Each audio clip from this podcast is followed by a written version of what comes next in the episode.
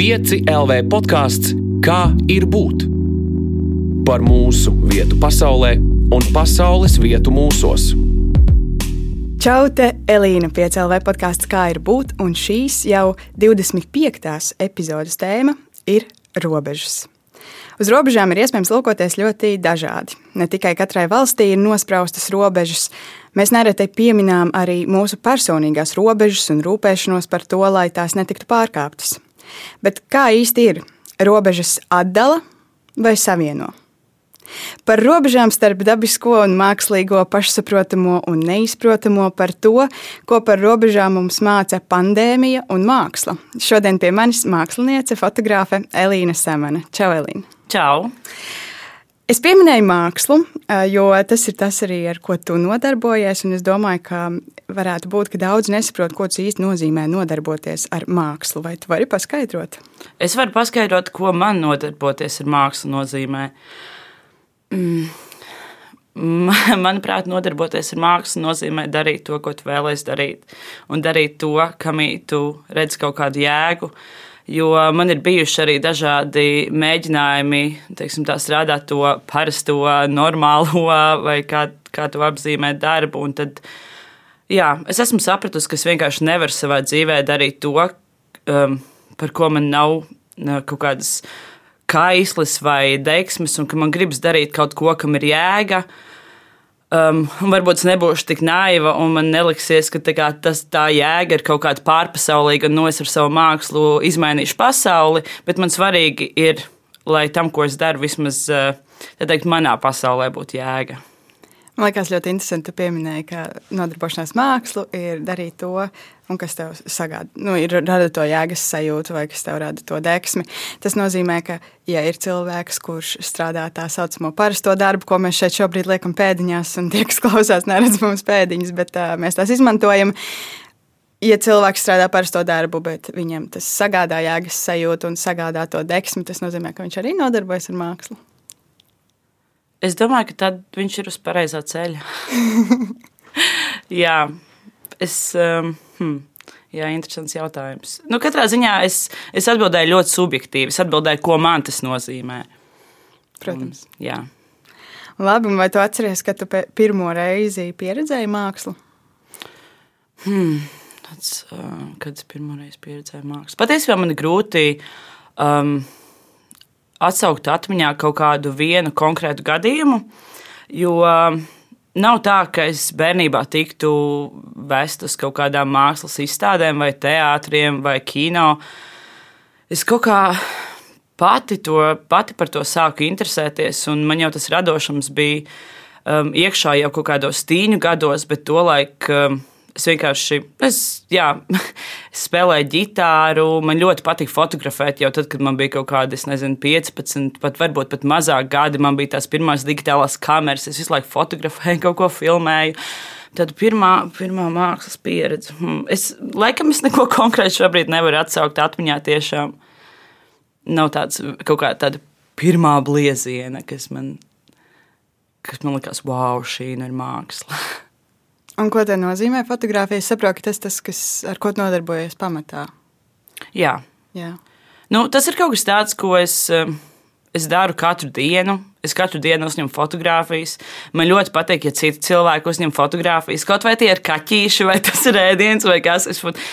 Um, jā, um, tā ir kaut kāda arī vienlaikus gan tāda atmiņu veidošana, gan arī kaut kāda stāsta veidošana, gan arī, piemēram, tev ir kaut kāds sižets, un tad tu vari domāt, cik lielā mērā tu ietekmē to vēstījumu un cik lielā mērā tā pasaule ir tāda nu, pati par sevi.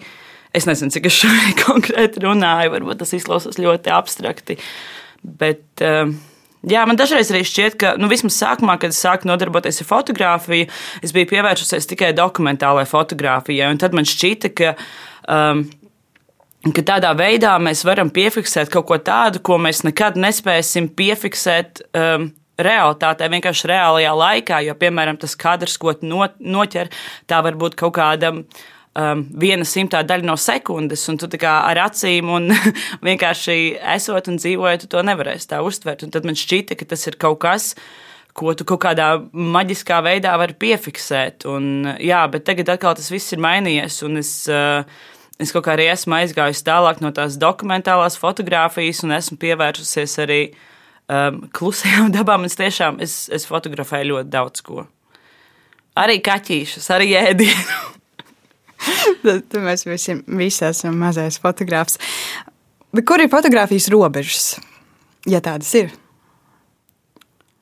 fotografijas robežas. Domāju, ka tās. Uh, huh. Man uzreiz prātā nāk drīzāk uh, nevis fotografijas kā mēdīņu robeža, bet varbūt tā. Mm, varbūt tas, kā tu, nu, cilvēkiem šķietam, šķiet, ka, piemēram, viņi ierauga fotografiju, un varbūt viņi pieņem, ka tā uzreiz ir kaut kāds realitātes reprezentācija. Bet man šķiet, ka uh, nu, tieši tādā veidā ar šo mēdīju tu vari daudzos veidos manipulēt. Man šķiet, ka tur zūd tā robeža starp to, kad, kas ir. Eh, varbūt kas ir tas, ko mēs varētu kaut kādā veidā dēvēt par nezinu, kaut kādu objektīvo tur, uh, patiesību vai kaut ko tādu, un kas ir tas, kā tu vari kā, liekas, manipulēt ar to visu. Tā, tās varētu būt drīzāk tās robežas, kuras varētu mēģināt pārkāpt, bet vispār. Hmm, Jā, droši vien arī tas, ka tas ir nekustīgs attēls. nu, dažādi jau var. Jā, es, jā, laikam tas ir tā, ir tā mana atbilde. Okay. Un, um, un kā ir ar robežām mākslā? Kādas ir tavas attiecības ar robežām mākslā? Um, man šķiet, ka bieži vien mākslā nav robežu. Vismaz man tā šķiet. Jo uh, pat dažreiz, kad tev šķiet, ka tu varbūt um, it kā pārkāp kaut kādas robežas, bet patiesībā, ka tu um, palasi vairāk vai painteresējies par to, kas vēsturiski mākslā jau ir bijis vai jau ir noticis, tad saproti, ka, hei, tāds, nu, ka tas viss jau, ka ļoti daudz lietas sen jau ir bijušas un, un darītas. Man šķiet, ka varbūt uh, nav, nav jau vienkārši tādas pareizās atbildes, kā, kāda ir kaut kāda pareizā māksla vai kur ir tā mākslas robeža. Man šķiet, ka robežas drīzāk varbūt uh, mm, ir atkarīgs no tā uztvērēja, kurš uztver to mākslas vēstījumu, kādas ir tās uh, viņa robežas, vai tās kaut kādā mērā tiek pārkāptas vai netiek pārkāptas, jo visādi citādi man šķiet, ka varbūt tāda robeža nemaz nav. Un kādas ir tavas robežas? Um, kur tieši? Mākslā, dzīvē. Hmm. Man šķiet, ka um, tas, kā vispār es izprotu vārdu robežas, man šķiet, ka robežas ir um, saistītas ar um, pašcieņu. Kaut kā tā man tas šķiet, ka um, manas robežas ir tur, kur es saprotu, ka uh, vai nu es kaut ko vēlos, vai nu es kaut ko nevēlos. Un, manuprāt, robeža ir tajā, ka tu spēj pateikt, tu spēj būt godīgs pret sevi, jā, es šo vēlos, vai arī šo nevēlos. Un um, vienkārši neļaut uh, citiem kāpt pāri tām savām robežām. Nu, kad ir kaut kāda tā tava, tā tava teiksim, tā privātā zona, Un ka, manuprāt, robežas ir tajā, ka tu neļauj kaut kādā ziņā sevi nezinu, ietekmēt vai, vai varbūt pazemot vai kā tam līdzīgi. Man šķiet, ka jā, es kaut kā robežas. Uh, tādā cilvēciskā kontekstā runājot, saistu ar pašcieņu un, un tā drīzāk, jā. Es domāju, skatoties arī um, to, ko tu esi darījis mākslā, nereti tiek pieminēts, ka tu pārkāpi varbūt kaut kādas robežas vai izaicini robežas. Un, un varbūt, Es domāju, jā, par to saspēli, kur ir tavas robežas, kas varbūt ir plašākas, un tad ir kādam citam, kur ir šaurākas, un kā tu spēlējies ar citu cilvēku robežām. Varbūt tev ir kāds komentārs attiecībā uz šo. Jā, man patīk, ka tu pieminēji vārdu spēlēties, jo tas ir tas, ko man arī patīk darīt. Um, Man dažreiz, nu jā, protams, tu arī pareizi pateici, ka tās robežas katram cilvēkam ir citādākas. Un, eh, un man patīk pārkāpt tās, eh, teiksim, tā, eh, citu cilvēku robežas, nepārkāpjot savējās. Un, piemēram, nu, kad daudz cilvēki, piemēram, Viņi saka, ah, nu, man ir izteikuši komentārus, piemēram, tur uh, radinieki vai kas tamlīdzīgs. Ej, Elīna, kāpēc tu fotografē tur kaut kādas uh, asinis, un cilvēkiem nepatiks uz to skatīties, un tā tālāk. Bet man savukārt eh, šķiet svarīgi runāt par kaut kādām tēmām, kas varbūt ir kaut kur tādas salīdzinoši marginālas ar to kaut kādu. Um, nu, kaut kas, kas ir, man gribas izcelt saulītē kaut kādas lietas, kas patiesībā tas jau vienkārši eksistē, bet cilvēki uh, Viņi varbūt eh, vienkārši sava komforta labad izvēlas par to neinteresēties, vai to ignorēt, vai to nepieņemt, bet man šķiet, ka tieši tādā veidā. Um, ka man tieši gribas par to runāt un kā reiz kaut kādas lietas aktualizēt. Un tad tā spēlēšanās, ka, ka, kā tu minēji, man patīk tas, ka. Um, jā, man patīk spēlēties ar uh, citu cilvēku robežām. Ja man dažreiz, piemēram, ienāk prātā kaut kādas uh, idejas, un tad, piemēram, uh, es nezinu, kāds mans draugs vai kāds ir pasakījis, hei, Elīna, es tā kā šī tā nedarītu, vai ok, tā, tā ir tava ideja, bet man būtu bail to darīt vai kā tam līdzīgi. Un man šķiet, ka tā um, robeža pārkāpšana uh, lielā mērā ir atbrīvošanās no kaut kādām bailēm un atbrīvošanās no pretestības. Uh, Un, um, un tad ir tā, ka, tu, piemēram, redz, ir kaut kāda robeža, un man ir bail to izdarīt, man ir bail to pārkāpt, jo man šķiet, nu, kas tad notiks. Un tad es kaut kā racionāli domāju, bet, nu, kas tad ir sliktākais, kas var notikt? Un tad es kaut kā man šķiet, ka spēlējoties ar tām robežām un pārkāpjot tās robežas, um, mēs kaut kādā ziņā atbrīvojamies no bailēm un kļūstam kaut kā drošāki un uh, ietverošāki un pieņemošāki. Un man, man šķiet, ka tāds ir eh, mans mērķis, varbūt spēlējoties ar šo citu cilvēku robežām, varbūt atbrīvot viņus eh, no pretestības, eh, no bailēm un, un parādīt, ka ir arī citādāk. Kas ir tās tēmas, kuras, tavuprāt, mēs kā sabiedrība esam izlikuši ārpus tā mūsu ikdienas ērtajām robežām, un kuras tu gribi tad bišķiņi uh, ievilkt iekšā, lai mēs kā sabiedrība kopā viņus ieraugām, kas tur stāvēs tā mūsu mūra? Um, tā tad, uh, hmm, ar ko lai sāk? Um, Tas nu, ir kaut kādas, manuprāt, eh, ir kaut kāds tas uzstādījums. Eh, nu, kad, vispār tas, ko es esmu novērojis daudzos cilvēkos, un varbūt vispār sabiedrībā kopumā, ka mēs um, izmisīgi cenšamies gūt uh, atbildes, gūt kaut kādas vieglas atbildes, kaut kādas pareizās atbildes, un visu laiku domāt, nu, dzīvot pēc kaut kādiem eh, nosacījumiem, kā ir pareizi. Piemēram, tur esmu pieņemot kaut kādus likumus, šī būs pareiza ģimene, vai šī nebūs pareiza ģimene, vai arī, um, jā, um, vai arī, piemēram, uh, nu, kaut kā um, vienkārši saprast. Uh, to, ka nav tādu viennozīmīgu atbilžu, kā ir pareizi, un tāda viena pareizā formula katrā ziņā nestrādās priekš visiem cilvēkiem.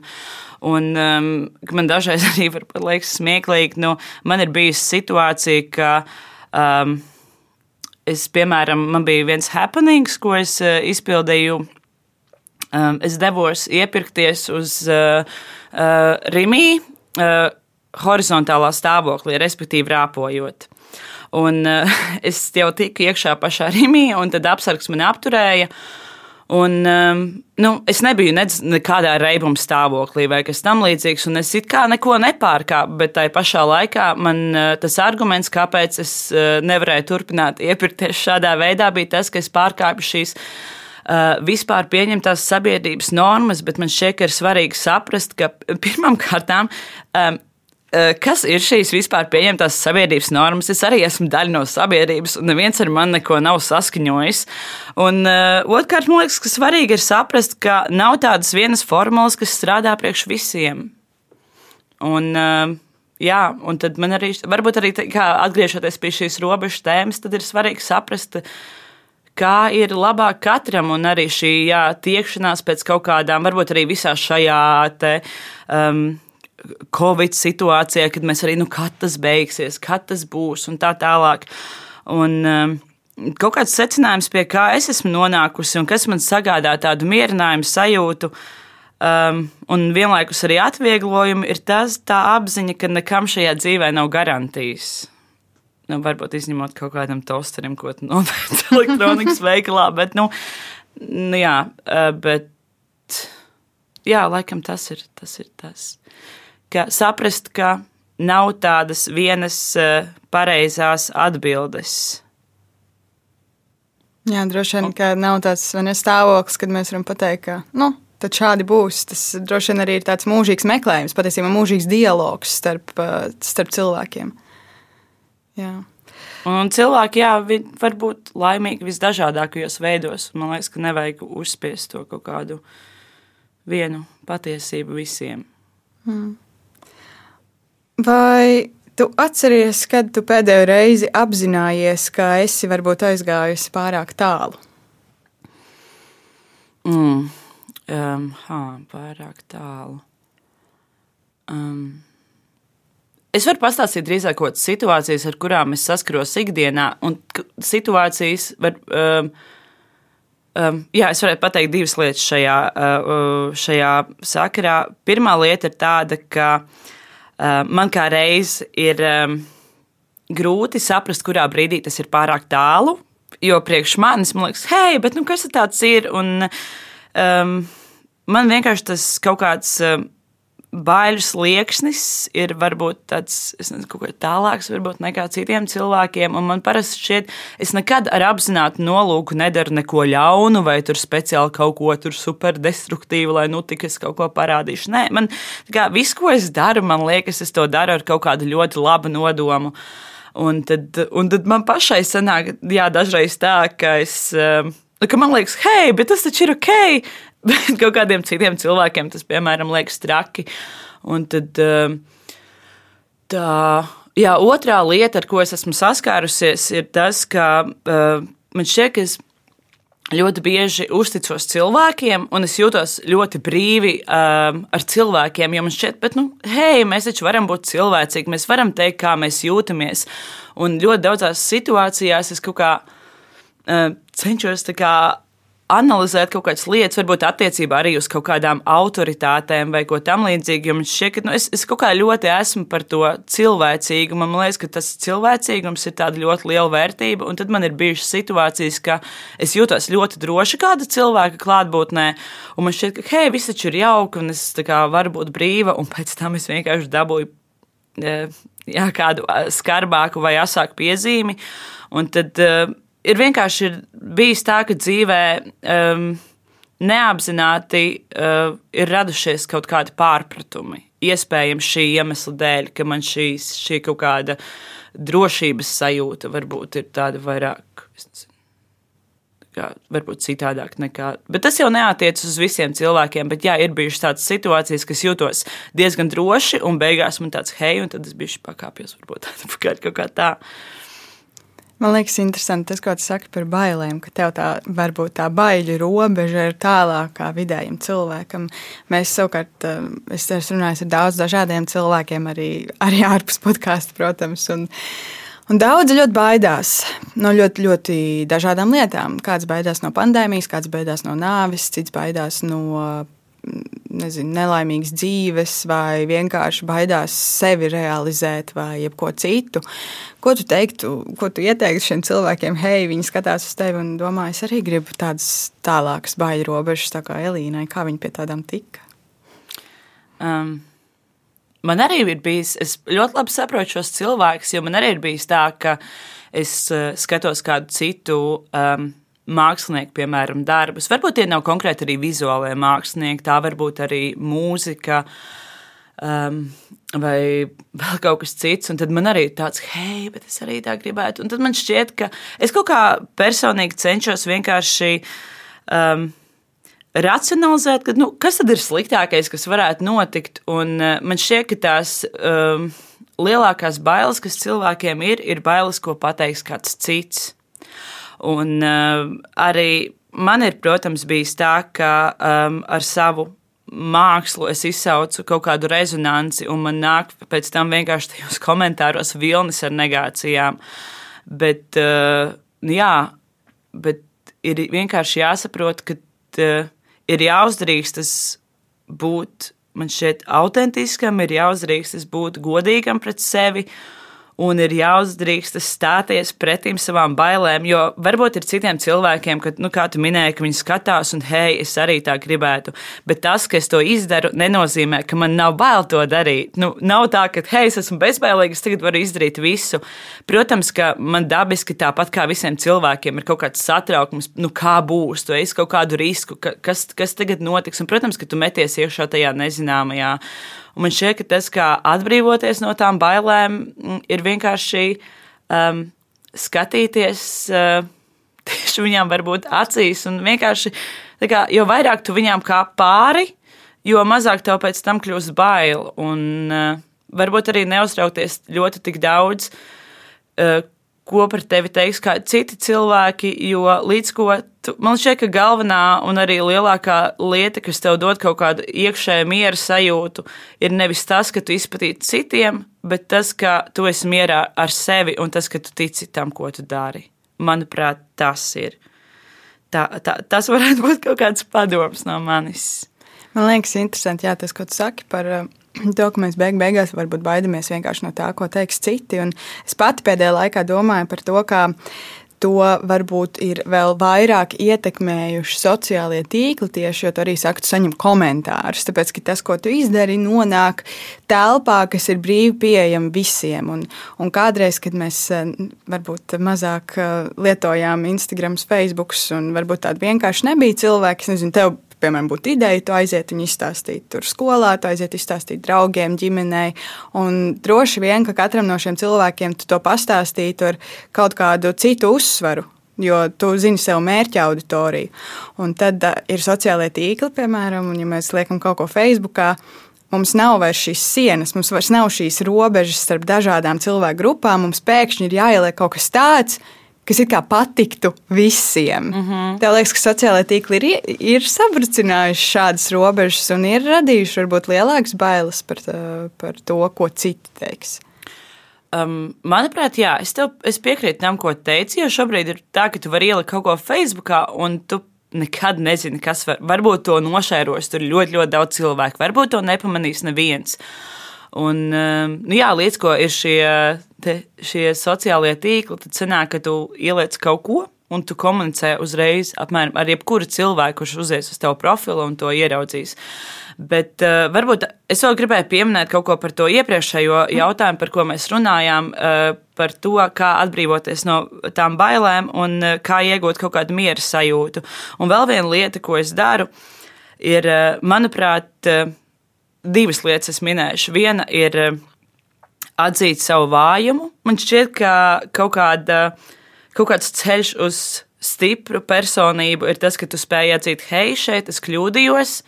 Jā, es esmu vājš, jā, es baidos, bet es esmu gatavs mācīties un darīt tālāk un nepadoties. Kā, jā, man šķiet, ka pirmām kārtām tas ir atzīt to, ka tu arī vari kā, būt arī nevienmēr tāds drosmīgs un tāds, bet tu vari būt arī ievainojams. Un uh, otra lieta, kas, uh, kas gan tas, tas rīktīgi man palīdz atbrīvoties no kaut kādām bailēm, ir uh, lasīšana un ir izglītošanās.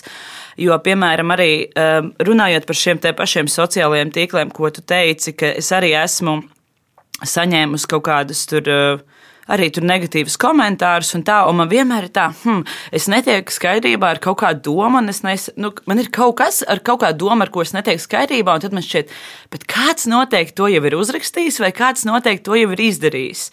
Un tad es vienkārši meklēju to informāciju, un tas redz, hei, tas jau tā kā vēsturiski, tas ir tas un tas, un jo vairāk zināšanas tu iegūsti par tēmu, kas tevi interesē, vai arī par tēmu, par ko tu dari, tādā ziņā tu iegūst arī tādu mierinājumu. Um, nu, kad tu neuztraucies, tu zini, ka tas, tas ir tā un ir bijis iespējams tur vēl trakāk. Un, uh, jā, man laikam mierinājumu un atbrīvošanos no bailēm arī dod zināšanas. Tad arī tu neņem tik daudz uh, galvā, ko varbūt saka kaut kāds cilvēks, jo tu vienkārši zini, ka, nu, varbūt, nu, ka tev vienkārši ir tas kaut kāds tāds. Um, kaut kas uz kā atspērties. Nu, kad varbūt arī tā, ka tu neuzsver to viņu argumentāciju vai to viņu nezinu, viedokli, varbūt tik personiski vai tik asi, jo tu, tu varbūt. Tu vienkārši, ja tu zini, ko tu dari, un tu jā, tad arī man liekas, tu vari dabūt to drošības sajūtu. Tā ir, man liekas, tā ir tā vecā analoģija ar bailēm. Tumsā, piemēram, mēs jau nebaidāmies no tumsas, mēs baidāmies no tā, ka mēs nezinām, kas mums tajā tumsā ir. Un, un tās zināšanas, ja, ja mēs zinātu, kas tajā telpā ir, piemēram, tumšajā, mēs jau īsti no viņas droši vien nebaidītos, jo mēs zinām, ka tumsa jau mums pāri nenodarīs. Pāri mums var nodarīt tikai tas, kas ir tajā istabā, bet ja mums ir zināšanas par to istabu, mēs zinām, kur mēs atrodamies, tad arī bailes mazinās. Zināšanas noteikti ir man joprojām ir iracionāls bailes. Tās, man liekas, ir visiem tik interesants. Es, piemēram, pirms uh, pusotra gada iepazinos ar, man liekas, tie, tā sieviete, 86 gadi, kundzīte, pat ja ne vairāk. Viņa visu dzīvi ir dzīvojusi vietā, kas ir ļoti tuvu ūdeņiem, bet viņai ir nu, fobija no vardēm. Viņa nevar pat bildi paskatīties uz vardēm. Viņai viss ir tas, jau man liekas, kaut kas cilvēcīgs. Ne? Man arī, starp citu, ir fobija. No kā? Diezgan smieklīgi. No. Man ir fobija no trim lietām eh, - no zivīm, putniem un tauriņiem. Un kā tas strādā? Um, tas ir diezgan apgrūtinoši to sadzīvot ikdienā, un, protams, ka daudzi mani draugi joko par šīm tēmām un sūta man kaut kādas tur, kā, ja viņi zina, ka ir kaut kāds ar putnu video, tad, oh, šitais tur jāizsūta Elīnai. Bet uh, Es, es nezinu, vai tas īsti ir kaut kā no tā var tikt vaļā, bet uh, varbūt šis izklausīsies tikai ļoti, ļoti dīvaini. Bet, piemēram, um, uh, ja ir nu, kaut kāda rajona, kas man vispār ir tāda, kuras labāk eju ar uh, līkumu. Tie ir autoosta, centrāla tirgus, spīķeri. Tāpēc, ka Tāpēc... ir daudz kājas. Jā, un man ir tādas bailes, ka man ir bijis tā, ka, piemēram, ja tas putns ir tāds milzīgs un tāda liela drūkna kāja, piemēram, stāv um, ietves vidū. Es cenšos neveidot tādu skatienu un pāriet otrā pusē. Un, un šīs ir tās bailes, kurām es nekādīgi nevaru stāties pretī. Lūk, šīs ir tās kaut kādas iracionālās bailes. Iespējams, ka to kaut kā var atrisināt. Tas... varbūt daudz jālas par putniem es gan nesen nu, skatījos, tieši noskatījos Hitchcocka filmu Birds. Jā, bet uh, tas laikam itin neko nemainījās bailēs. Tas ir interesanti. Tiešām. Tas laikam parādīja to, cik cilvēcīgi mēs esam. Ne? Katrs ar kaut ko savu. Jā, ar kaut kādām savām īpatnībām. Mm. Bet atgriežoties pie robežām, kā tev liekas, ar ko atšķiras robežas dabā no tām robežām, kādas būvē cilvēks? Un šeit varbūt cilvēks kā reiz ir tas, kurš šīs robežas rada vairāk nekā to dara daba. Jo okay, šeit uzreiz man ienāk prātā, ka, piemēram, mēs paskatāmies uz kaut kādām, kaut kādām vietām, kur varbūt nav tā cilvēka kāda industriālā pieskāriena vai kaut kāds cilvēka ietekme, ietekmes, un mēs redzam, cik daba var būt mežonīga, cik daba var būt plaša un pat varbūt arī vienlaikus tāda tā kā bezmazliet. Nu, tiešām tāda grandioza un iespaidīga. Un tad man liekas, ka cilvēks ir tas, kurš tā taisa tās robežas. Un, uh, tas pats arī attiecas, manuprāt, um, uz sabiedrību. Uz sabiedrību. Ja mēs runājam, varbūt šī šobrīd ir um, kaut kāda nērta tēma, tēma un tādā garā, bet man uzreiz arī prātā nāk kaut kāda attieksme pret uh, homoseksuāliem cilvēkiem uh, šobrīd uh, Latvijā un vispār Latvijā, jo mēs esam ļoti homofobiska valsts, un šeit arī kā reiz ir tā daba un tas dabiskais un tā cilvēka būtība, un tad pretim tie citi cilvēki, kas grib to visu ierobežot, un kā, ka viņi visu laiku grib, lai kaut, kā, kaut kāda varu, vai lai viss būtu pareizi, un lai viss būtu tā, un lai mēs visi dzīvotu tur tā kā, tā kā vajag. Un ja kāds cilvēks ir, nezinu, tāds.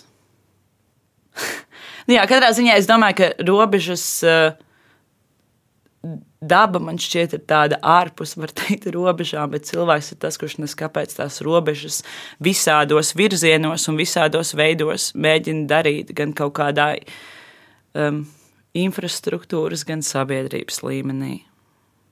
Kā tev liekas, kas mums ir tādiem cilvēkiem par, tā, par tādu kaiti, tagad tās robežas taisīt? Jo, tā kā tu saki, es arī domājot par dabu, es uzreiz nezinu, iedomājos kaut kādas ūdeņu sistēmas, kad pie mums uh, atnāk uh, mākoņi un nolīst no citām zemēm, vai tikko bija mums Sahāras putekļi Rīgā. Un it kā kuram Sahārā varētu interesēt Latvijas valsts robežas, vai ne? Bet tā, tā ir pasaule. Nu, puteklis nešķiro. nešķiro. Ah, šeit, šeit beidzas Sahāra, tad es tagad lidoju atpakaļ un, un palieku turpatās. Es, es ceļoju pa pasauli, un tā tās sistēmas ir absolūti kopīgas. Kas mums dabā ir tāds piemērs, daba pati par sevi ir piemērs tam, kā viss ir savstarpēji saistīts un tās robežas tiešām nav skaidri definējamas. Kas mums cilvēkiem tā, tā pa kaiti, no kurienes viņi rodas, vai mēs gribam kaut no kaut kā sargāties, un tāpēc mēs tos mūrus būvējam? Kā tev šķiet? Iespējams. um, jā, nu droši vien, ka mums ir. Tu domā tieši par kaut kādiem um, dabas mūriem vai, vai tiem psiholoģiskiem? Gan psiholoģiskiem, nu, bet viss jau īstenībā nu, beig, beigās arī valsts robežas kaut kādā mērā ir arī nu, psiholoģisks uh, izdomājums. Nu, te, te, te tagad būs Latvijā, protams, mums ir fiziski novilkta līnija, bet uh, nu, tur tās zālēs droši vien neskaita arī, vai ne, kur es augu Lietuvā vai es augu Latvijā. Un mums jau galvā tas ir, te ir mūsu valsts robeža. Hmm. Man ir laikam šobrīd grūti atbildēt uz šo jautājumu. Ja, man ir daž, daudz lietas, kas man nav īsti, um, varbūt šajā visā saprotams, kas, piemēram, ir. Ja mēs runājam par kaut kādām valsts robežām un valsts lietām, tad droši vien patriotisms ir kaut kas man nevisai. Um, arī, piemēram, kaut kāda ticība dievam arī man, arī, man labāk patīk lasīt nīči nekā, nekā tādas lietas darīt. Varbūt arī tur ir tā problēma. Kad cilvēki pamatojas uz kaut kādiem, viņi, viņi savā argumentācijā izmanto kaut kādas man absolūti nesaprotamas lietas. Un, jā, tāpēc, laikam, man ir grūti atbildēt uz šo jautājumu. Bet tā par tām kaut vai par tām pašām psiholoģiskajām robežām, vai nu, jebko. Kāpēc, kāpēc mēs kā cilvēki, ja tu pats saki, dabai nav robežas, mums cilvēkiem ir, kāpēc mēs kā cilvēki viņus radām? Kāpēc mums tas tā automātiski gandrīz vai notiek? Varbūt tāpēc, ka mēs tiecamies pēc drošības sajūtas. Un, eh, un ja mēs kontrolējam kaut ko vai ieliekam kaut ko kaut kādos grožos vai robežās, mēs iegūstam šo ilūziju par drošību. Varbūt tas varētu būt.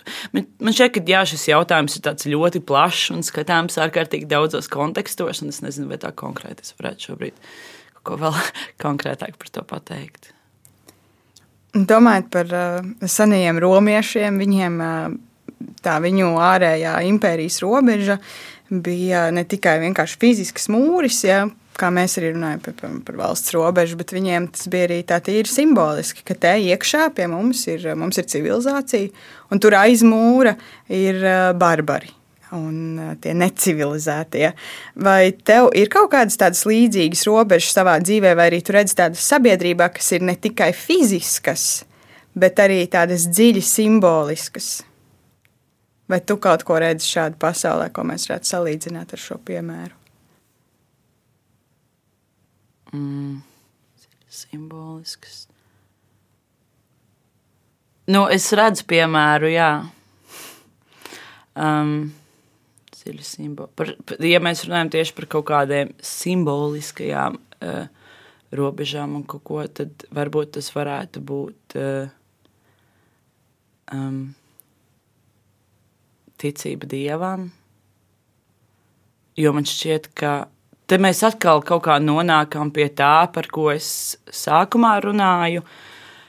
Tā tiekšanās pēc kaut kādas, pēc pareizajām atbildēm, pēc pareizības, ka nu tagad, jā, nu, ka tev it kā, cilvēkiem prasās kāds, kas viņiem papajātu galviņu un pateikt, jā, tu esi malacis, tu rīkojies pareizi, tu esi labs cilvēks un tā, un kaut kāda visu laiku tā tiekšanās atbilst. Tas, jā, tas laikam ir tas, ka tā kā kaut kādas nezinu, bailes pret citādo Un es man šeit biju kaut ko. Viss kārtībā. Es, es arī domāju, baigi līdzi šobrīd, un pati nonāku pie kaut kādām jaunām pārdomām. Tas, ko tu saki, ka vi, mēs kaut pirms tam runājām, ka robežas iespējams mums palīdz nu, sajust to drošību.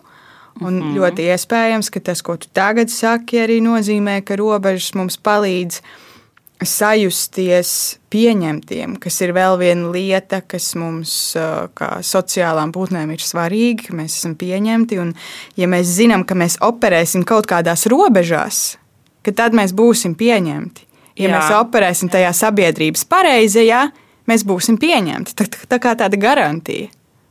Jā, bet mēs būsim pieņemti. Kur?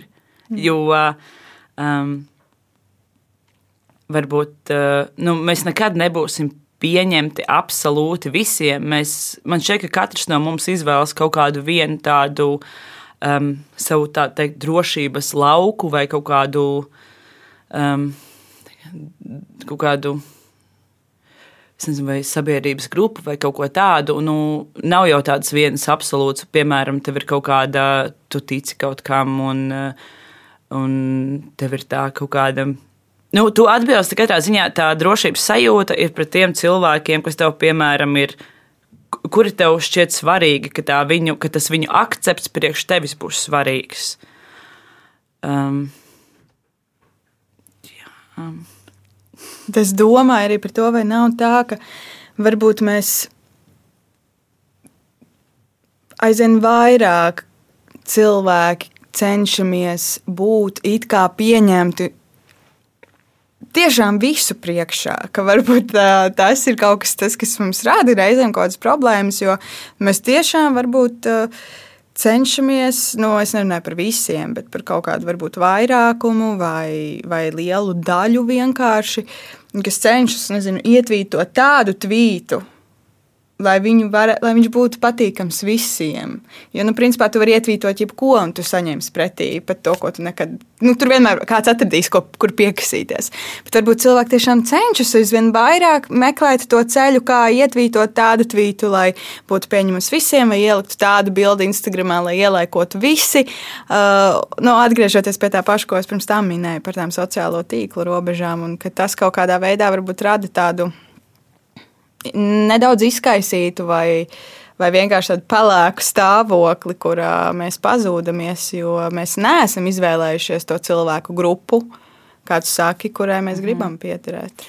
Varbūt tas arī rada to kaut kādu varbūt to apjukumu vai kaut kādu stresu. Nu, ka tu arī teici, ka tu tiešām ka gribas radīt kaut ko tādu, nu, ka tā šitais tvīts aizies un tas tagad visiem patiks, un tu centies, centies, bet tu, lai arī cik tu centi, censtos, tā nekad arī nebūs.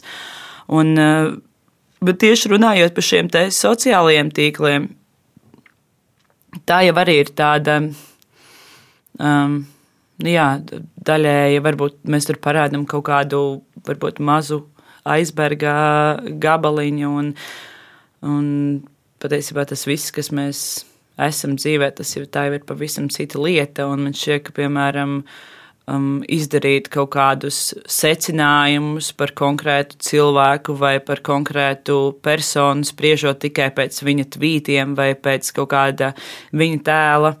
Um, Sociālos tīklos tas, nu jā, man liekas, tas ir arī bišķiņ muļķīgi, jo tu nezini, ko tas otrais cilvēks, ko tas cilvēks patiesībā aiz tā ekrāna vai aiz tā datora, ko viņš tur domā. Jo tikpat labi es arī varu iet Twitterī.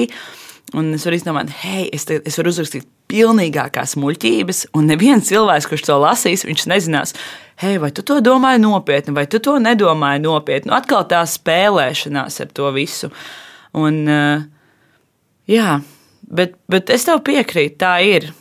Tā ir, kad varbūt daudziem gribas atrast to kaut kādu pareizo virzienu. Jā, sociālajiem tīkliem droši vien arī ir kaut kādas robežas. Tas arī iespējams ir tāds vien, viena mirkļa fiksējums, tāpat kā fotografijā, ja, kas var būt gan ļoti īsts, gan absolūti inscenēts, un ar to var spēlēties tikpat ļoti. Un interesanta lieta arī man šķiet tas, ka nu, mēs publicējam regulāri šo saturu sociālajos tīklos, laikam tur fotografijas, kaut ko tādu, un tad paiet laiks, un tev nāk tie Facebook tās atmiņas atpakaļ, un tu redzi, ah, un bija šī tāda fotografija, es tur izskatījos tā un tā, un kad, nu, arī tas, kā mēs uzturam šo te visu, ka iespējams tur citi cilvēki tagad dzēš tās tur vecās fotogrāfijas vai, nu, kaut ko tam līdzīgu. Um, Jā, un tad. Jā, tas ir diezgan interesanti. Es nezinu, kāpēc man prātā, piemēram, varbūt arī tas būs tāds rīktīgs popkultūras piemērs, bet, um, piemēram, Samanta Tīna, kā mēs šobrīd viņu redzam, un kā mēs šobrīd, uh, kā, jā, kā, kā viņš šobrīd izskatās, kā viņa dzied, kā viņa reprezentē sevi un tā tālāk, un, piemēram, kādu mēs viņu atceramies kādreiz. Un, um, varbūt tas ir labi, ka mēs neizdzēšam kaut ko. Ja man liekas, ka tā kā izdzēšot kaut kādas lietas, mēs atkal, atkal uzturam to ilūziju par kaut ko, bet tas jau man šķiet ir tikai dabiski, ka cilvēks nemitīgi mainās, viņš katru dienu mainās. Un, Pēc katras kaut kādas uh, pieredzes, kas ar tevi notiek, tu kaut ko tomēr iemācies, un tu kļūsi citādāks cilvēks. Man šķiet, ka tas ir uh, Jā, tas ir patiesībā tik interesanti, cik ļoti laika gaitā cilvēki mainās.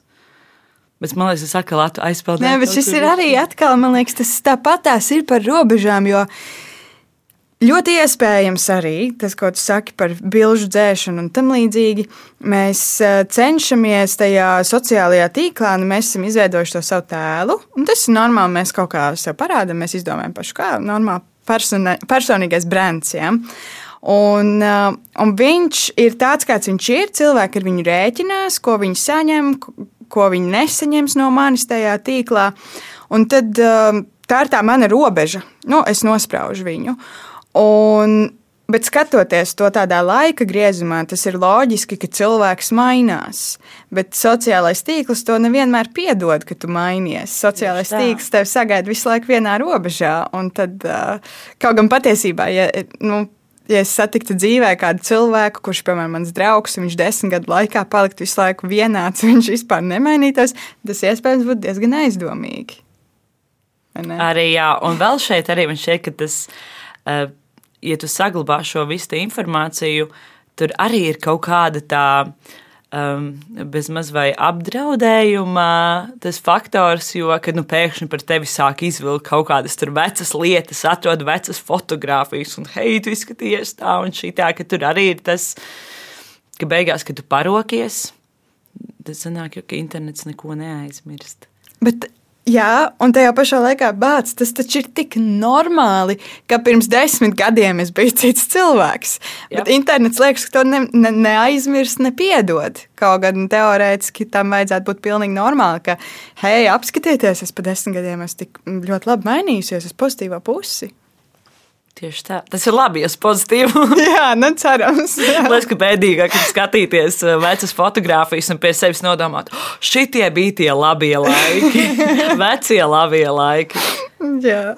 Oi, tā mēs droši vien arī daudz uh, skatāmies tagad uh, fotografijas uz laiku pirms gada un vairāk, kad pandēmija vēl bija kaut kas tāds, par ko mēs vispār nevarējām iedomāties, ka mūsu dzīvē mēs pieredzēsim kaut ko tādu, kas pāris nedēļu laikā principā maina visu pasauli un visu mūsu ikdienu. Kā tev liekas, kā pandēmija ir mainījusi mūsu robežas, ja ir mainījusi?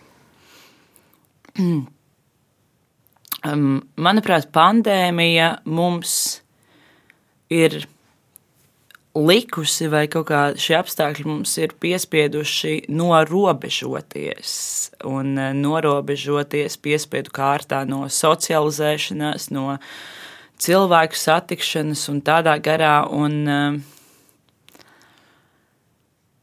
Varbūt arī pandēmija ir likusi mums testēt kaut kādas uh, robežas attiecībā pašiem pret sevi, jo uh, ļoti daudziem cilvēkiem šajā laikā ir eh, nācies daudz laika pavadīt vienatnē, un tas jau nav nekāds noslēpums, ka tā ikdiena ir ļoti, ļoti mainījusies.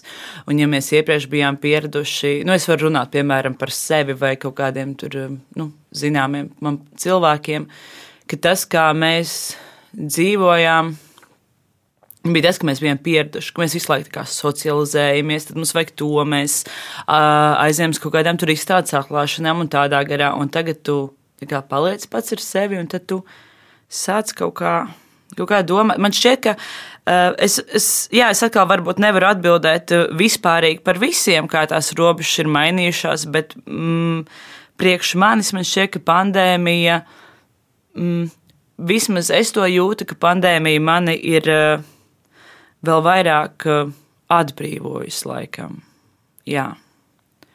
Un uh, ir likusi arī man uh, pārbaudīt, kas ir mans robežs vai spēja. Varbūt būt ar sevi, bet man arī tas nebija nekāds baisais šoks, jo es pirms tam uh, dzīvoju viena, es biju pieradusi būt viena.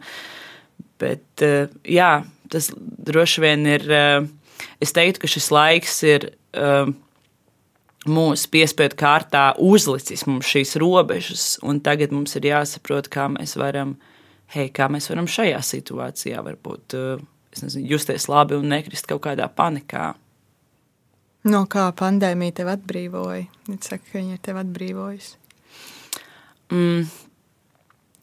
Pandēmija mani atbrīvoja. Sāku kaut kā, varbūt uh, pirmais tāds blieziens, nu, nosacīti bija tas pirmais vilnis. Un tad, eh, kad tev uznāca tā kaut kāda bezmazliet apakaliptiska eksistenciāla sajūta, un tā, un tu sāki, protams, ka ļoti daudzi sāka izvērtēt, kas ir viņu vērtības, kas viņu dzīvē ir svarīgākais. Un tad bija bišķiņ tāds, nu, tu esi tajā skrējienā, tu gribi to, to, to, un tu esi izsvēdīts uz visām pusēm. Un, eh, un tad tu apstājies kā ielpo, padomā. Un, eh, jā, laikam tas, tas pirmais vilnis bija tas, kas man lika izvērtēt kaut kādas uh, lietas, kas uztaisīja tādu rīktīgu reality check un uh, lika man saprast kaut ko, kā es gribētu vai kā es negribētu. Tālāk dzīvot, un tad nu jau šis, šis otrs vilnis, tas jau man, kā, man, jau, man jau liekas, ka es vispār īsti to. to. Man liekas, ka tas lielā mērā daudziem bija sākumā tas pirmais šoks.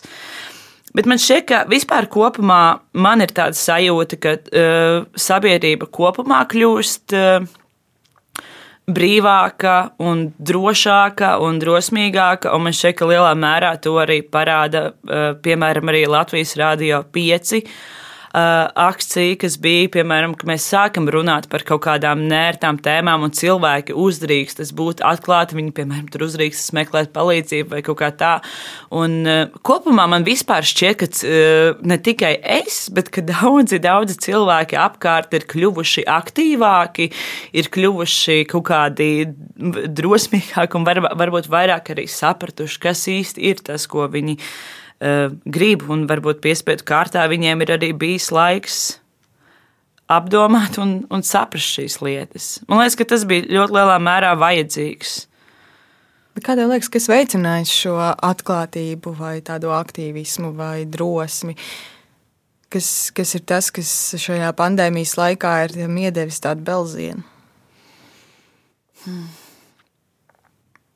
Nu, droši vien varbūt, kā es minēju, tiešām tā, ka tu izsver tās savas vērtības, un, un kas, ka tu varbūt saproti, tev nākas padomāt, kas no tevis paliek pāri, tad, kad tev viss pārējais ir atņemts, un no kā tad vispār sastāv tā mūsu dzīve. Mēs aizējām uz darbu, mēs aizējām tur, atrādāmies sabiedrībā un tā, bet. Uh, Jā, un tad tu saproti, kas patiesībā ir tas kaut kāds sausais atlikums, kas no tevis paliek pāri. Un, uh, man laikam ar, pagaidām ar šo te ir, nu, man ir kaut kā ok ar to, bet uh, es, man vienkārši liekas, ka Laikam arī tāpēc, ka daudz cilvēki varbūt šajā visā laikā arī jutās tā nedroši, un tad uh, kaut kā ir, man liekas, ka notikušas daudz kaut kādas um, sociālas akcijas, kas ir iedrošinājušas cilvēkus. Man tiešām šķiet, ka ar šo visu, kā, um, šo visu nelāgo situāciju mēs pēc, patiesībā esam rieguši kaut ko ļoti labu. Un, uh, man bieži tā gadās, ka notiek kaut kas ļoti, ļoti slikts, bet beig beigās tu no, tā, tu no tās sliktās pieredzes vari kaut ko ļoti labu par sevi iemācīties. Un varbūt tas varētu būt tas, kas ir stimulējis šo visu. Mm. Un es domāju arī par to, ko tu sacīji, ka pandēmija mums ir piespiedu kārtā likusi norobežoties, kā tas droši vien ir, jo mēs tiešām esam aicināti tīri fiziski ierobežot savu pārvietošanos, tikšanos ar cilvēkiem un citādi. Bet vai tā nav tāda interesanta pretreakcija patiesībā tam, ka pandēmija varbūt mūs aicina arī pārdomāt to, cik mūsu tās iepriekš definētās robežas ir um, atšķirīgas no tā, kā mēs to esam iedomājušies un kāds ir patiesībā. Jo patiesībā, kāpēc mums tad liek nu, šādi norobežoties? Tāpēc, ka mana darbība reāli var ietekmēt kādu citu. Mana aiziešana, es nezinu, ja es tur būtu inficējusies, un es kaut kur aizēju, un inficēju kādu citu, kas tad, kādam tas var nozīmēt vienkārši slimošanu, kādam tas var nozīmēt dzīvību. Un es to varētu pat neiedomāties. Tad, tās manas robežas īstenībā es esmu saistīta pilnīgi ar visiem cilvēkiem. Un varbūt pandēmija mums savā veidā atgādina arī to, cik vīruss no Ķīnas ātri var pārņemt visu pasauli, un ka tās robežas, ko mēs esam iedomājušies, patiesībā vispār tādas nav. Man liekas, ka šīs robežas ir iemācījušās uzņemt atbildību, uzņemties atbildību. Jo kā tu teici, ka tieši šī, tas, ka mēs šoreiz ievērojam šīs visas robežas, tas lielā mērā mēs rūpējamies jā, ne tikai par sevi, bet arī par citiem. Un interesanti šī situācija arī, ka varbūt mums ir bijusi tā. Nu, par ko man šeit daudziem cilvēkiem ir arī tas satraukums, un varbūt tā ir sabiedrības daļai, kas tur rīktīgi protestē pret šo visu, un tā, un ka varbūt tieši šī asā reakcija kā reize ir radusies no tā, ka, hei, pēkšņi šis vīrus ietekmēs manas robežas. Es gribu darīt to, ko es gribu darīt, bet nē, es tagad nevaru. Un arī tas viņus kaut kādā uh, jā, veidā, es nezinu, kaitina, ja tā varētu teikt. Ka mēs uzliekam robežas, bet tajā pašā laikā šī situācija pārkāp mūsu robežas. Jā. Vajag interesanti sanākt spēlēšanās ar tādām robežām dažādos līmeņos. Mēs viņus pilnīgi varētu likt kārtiņā, kur viņas ir tās lielās, un tad ir kaut kādas tādas mūsu mazās privātās. Un... Man liekas, ka kā reiz, ka robežas var būt, ka robežas galu galā izklausās kaut kas diezgan labs. Jo, nu, piemēram, arī kā es to sākumā teicu, ka liekot robežas, mēs parūpējamies paši par sevi. Uh, Un uh, arī šajā ziņā, ievērojot šīs robežas, mēs arī parūpējamies gan par sevi, gan par citiem. Un ne jau vienmēr tās robežas ir, nu, nu patiesībā nekas jau nav tik viennozīmīgs. Ne jau robežu likšana ir tik slikta vai tik laba. Bet, nu jā, ka, katrā situācijā man šeit var atrast gan kaut kādu labu aspektu, gan kaut kādu varbūt netik patīkamo. Bet kā reiz šo, šoreiz tā robežu ievērošana, man liekas, ka mums varbūt tieši nāk par labu. Un tas atkal parāda to, ka nekas nav viennozīmīgs. To, ko tu teici kaut kad mūsu sarunas sākumā, vai ne? Ka re, izrādās ir labās robežas un kaut kādā ziņā sliktās robežas, un ka mums arī tās droši vien vienmēr ir jāpārvērtē un jāpaskatās, vai, vai šī robeža ir um, atbilstoša reāli tam, kas notiek apkārt, un vai tas ir vajadzīgs un pamatots. Mm. Un par vēl vienu robežu es tev gribu pajautāt, um, jo tā arī ir pandēmijas tādā uzplaiksnījumā ļoti aktuāla. Ir īpaši tagad, kad mēs šādā stāvoklī esam pavadījuši jau gadu um, daudziem trūkst spēka. Un vai tu atceries, kad tu pēdējo reizi biji uz spēku izsīkuma robežas, jo arī tādu robežu mēs nereti pieminam ikdienā? Jā, es atceros, un uh, tas bija pirms vairākiem gadiem, kad es uh, vienlaikus strādāju un vienlaikus studēju, un vēl vienlaikus arī mācījos fotografiju. Un tad es sapratu, ka es esmu uz izsīkuma robežas. Bet ļoti bieži man šķiet, ka nu, es esmu pati par sevi konstatējusi, ka uz izsīkuma robežas es nonāku tajos brīžos, kad es uzņemos pārāk daudz.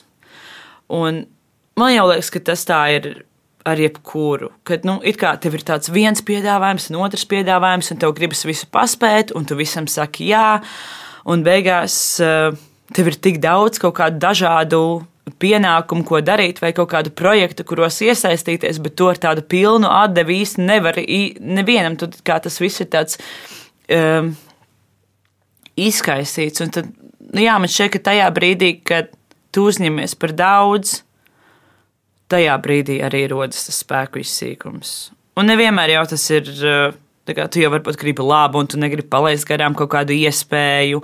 Varbūt, oh, man tagad atnāca šī tāda iespēja, nu tagad es te, teikšu uzreiz jā. Un tas, ka tu pasaki pārāk daudz, kam jā, beigu beigās tu attopies. Oh, oh. Un tāpēc man ka labāk uzreiz ir pateikt nē nekā iesaistīties ļoti daudz kaut kādās vienās lietās vienlaicīgi un tad saprast, ka tu ar to beig beigās netiec galā, un tev jebkurā gadījumā, tu jau jebkurā gadījumā nonāc pie tās atbildes, ka tomēr no kaut kā tev ir jāatsakās.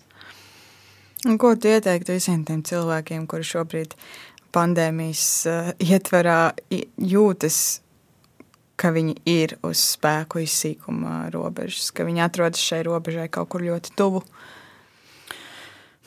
es domāju, ka es ieteiktu šiem cilvēkiem uh, ieklausīties sevi vai veidot kaut kādu iekšējo dialogu, uzturēt kaut kādu iekšējo dialogu, um, saprast, vai tas ir tiešām tas, ko es vēlos, vai man ir kaut kādas šaubas.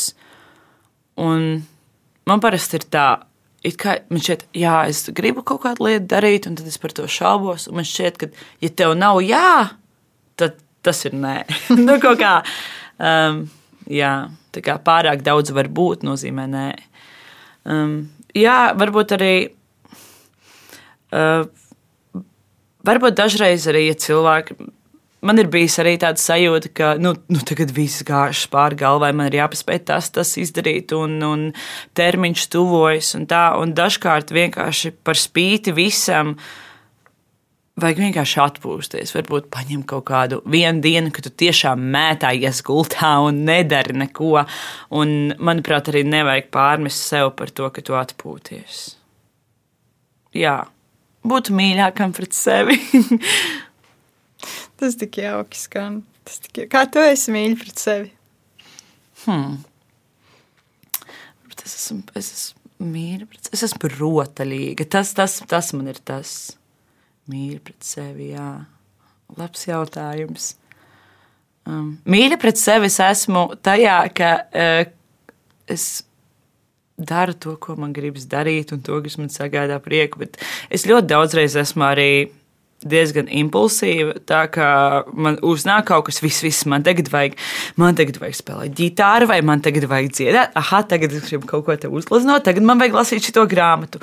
Un, uh, jā, un tad tas kaut kā tas mīlestības varbūt izpaužas tajā, ka es ļauju um, sev uh, darīt to, ko es vēlos. Nu, kad ir kā tev ir iekšā tas mazais bērns. Un tad tu neņem to savu pieaugušo, un tu saki, nē, nē, nē, nē šitā nevajag. Bet, jā, ka tu vienkārši, man šķiet, ka mīlestības pret sevi ir tas, ka tu ļauj arī iznākt ārā savam bērnam. Kaut kā tā. Forši. Man šis ļoti patīk. Man arī patīk rotļoties. Bet uh, cenšoties jau noslēgt mūsu sarunu, mēs esam runājuši par daudzām dažādām robežām, par dabā robežām, par robežām starp valstīm, mūsu kaut kādām personīgajām robežām, baiļu robežām un uh, vis visādām par labām un sliktām. Pašā sākumā es uzdevu vienu jautājumu, uz kur man pašai nav atbildes, bet varbūt tu varēsi atbildēt, ņemot par pamatu visu mūsu sarunu. Robežas atdala vai savieno? Es domāju, ka atdala. Jā. Man šķiet, ka tieši robežu pārkāpšana savieno un robežu atdala. Lieliski! Tā būtu mana atbilde šo jautājumu. Šis ir, man liekas, lielisks nobeigums. Varbūt tiešām nu jā, ir robežas, kuras mums ir jāievēro mūsu pašu labā, un ir robežas, kuras mums ir jākā, jāpārkāpj arī mūsu, mūsu pašu labā. Jā. Paldies, tev, Elīna, milzīgs par šo sarunu. Es esmu... Paldies, tev arī, Elīna. Man bija forši parunāties ar Elīnu. Jā, man arī. Es, es eh, tev jau pirms tam stāstīju. Man dzīvē tā negadās bieži. Man arī starp citu. Cik interesanti. Lai gan Elīnas, man liekas, ir diezgan daudz šajā valstī. Lai nu kā, paldies, eh, paldies Elīnai, paldies arī tev, ka tu klausījies. Mēs tiekamies kā ir būt epizodē jau pēc nedēļas nākamajā. Un pagaidām teikšu atā!